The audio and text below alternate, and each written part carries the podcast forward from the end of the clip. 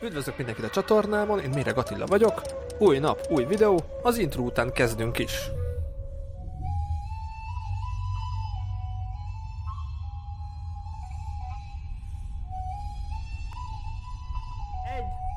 Szia Fanni, üdvözöllek a műsorban, nagyon örülök, hogy veled is összehozzuk ezt a beszélgetést. Szia Attila, végre! Itt vagyok. Mesélj, mit szeretnél tudni?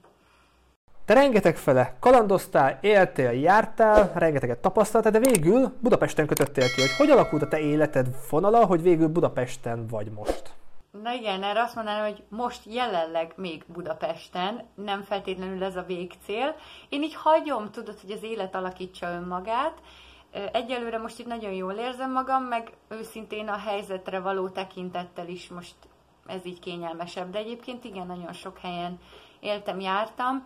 Az én motivációm elsősorban inkább az volt, hogy így a komfortzónán kívül mozogjak, mert mm, fiatalon az ember még nem igazán tudja, hogy ő ki, meg mit szeretne, mit teszi boldoggá, és én igazából ezért váltottam országot sűrűn, mert azt hittem, hogy majd a helyszín majd elhozza azt a belső érzést, azt a magabiztosságot, meg tudom, hogy na, én most otthon vagyok, és eltartott egy darabig megérteni, hogy a helyszínnek nem sok köze volt hozzá, úgyhogy ezért lett igazából az én utazásom egy ilyen belső utazás, de minden ország és minden kaland hozzátett ehhez, hogy eljussak idáig, hogy most már értem, és itthon is úgy itthon tudok lenni, hogy nem vágyom máshová, csak megadom a lehetőségét, hogy ha vágyni fogok, akkor majd mehetek. Go with the flow, ez egy tök jó filozófia.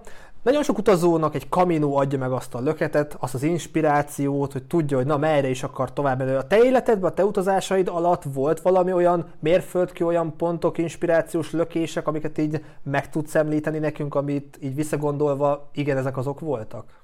Rengeteg ilyen van. Inkább úgy mondanám, hogy az egész élet igazából egy ilyen kamino, és, és mindig, mindig érzem, amikor eljutok egy új mérföldkőhöz, és akkor már érzem, hogy mi lesz a következő, vagy sejtem, hogy mi lesz a következő. Úgyhogy nekem az egész utazás kb. erről szólt, hogy, hogy eljussak addig, amíg látom, hogy akkor mi a következő cél, amit szeretnék elérni, és akkor elkezd kitisztulni a következő. Tehát így haladok szépen folyamatosan, de azt érzem, hogy ez az út, ez egy ilyen véget nem érő utazás, és annyi csoda van benne, hogy nem a destináció már a lényeg, ezért is mondtam, hogy igazából már mindegy, hogy hol vagyok, mert nem ez a lényeg, hanem hogy hogy érzem belül magam. Mindez az utazás ugye hozzátett, de, de ez az egész, ahogy, ahogy egy külső utazásként indult, úgy szép lassan így átment egy ilyen egy belső útba, és most már, most már inkább erről szól, inkább ez a hangsúly, úgyhogy csak így hagyom, hogy járjak az úton, és úgy is érzem, hogy mi a következő cél. És a jelenlegi életedben milyen mérföldköveket látsz, milyen célok vannak előtted? Így hagyom, hogy ezek a belső hangok, motivációk, inspirációk így, így dobják így nekem az üzenetet, hogy mire is vágyom. Ugye nagyon szeretek hallgatni ezekre a belső megérzésekre.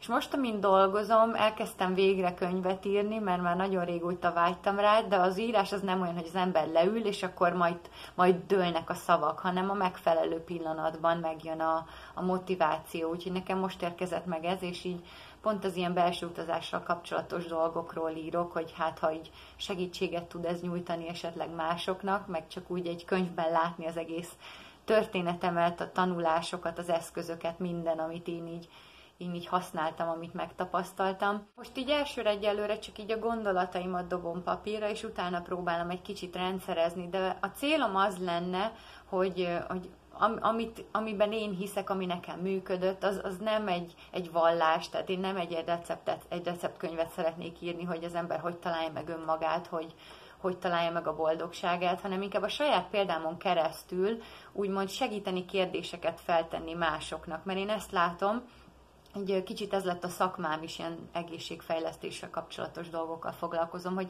hogy ez hiányzik sokakban, hogy, hogy nem feltétlenül tudják, hogy milyen kérdéseket kell saját maguknak feltenni, még nagy hatással van rájuk így a, a külső tényező, másoknak való megfelelni vágyás, és, és nem igazán tudják, hol kell elkezdeni azt, hogy hol kezdődik az, hogy én, és hol kezdődik az, hogy mások.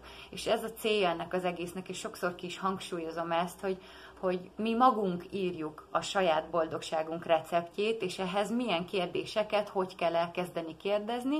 Aztán szépen mindenki, amikor már leteszi a mankót, akkor majd elkezdheti a saját receptkönyvét végre megírni, akár segítség nélkül is sok tapasztalatot, amit így megszerezte az utazásaid alatt, már előadásokban továbbadtad, hogy milyen témákból, milyen témákban szeretsz előadást tartani, és ha jönnél hozzánk, miket hoznál magaddal?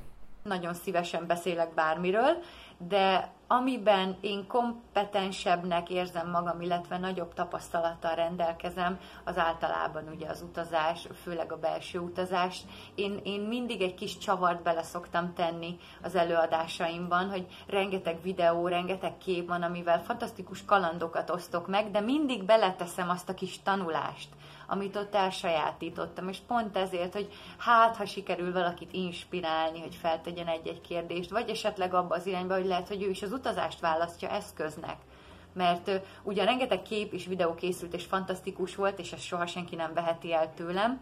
Nagyon sok utazónál látom, például ugye az elkamínosok, hogy annyival többet ad az, ami belül is történik. Tehát, hogy én, én egy kicsit meg szoktam csavarni, erről szeretek beszélni leginkább. Köszönöm szépen, hogy meséltél ezekről a tapasztalatokról, remélem élőben is nem sokára személyesen 3D-ben, egy légtérben majd vendégül láthatunk, addig keep in touch, tartjuk a kapcsolatot, és remélem minél előbb majd tető alá tudjuk hozni ezt az előadást. Addig is vigyázz magadra, jó egészséget, óvatosan tekereg! Köszi szépen, köszönöm, hogy itt lehettem, és én is remélem, hogy nem sokára akkor személyesen találkozunk. Sziasztok! Köszönöm szépen, hogy velünk tartottatok, találkozzunk holnap is, vigyázzatok magatokra, legyetek jók, ha tudtok, sziasztok!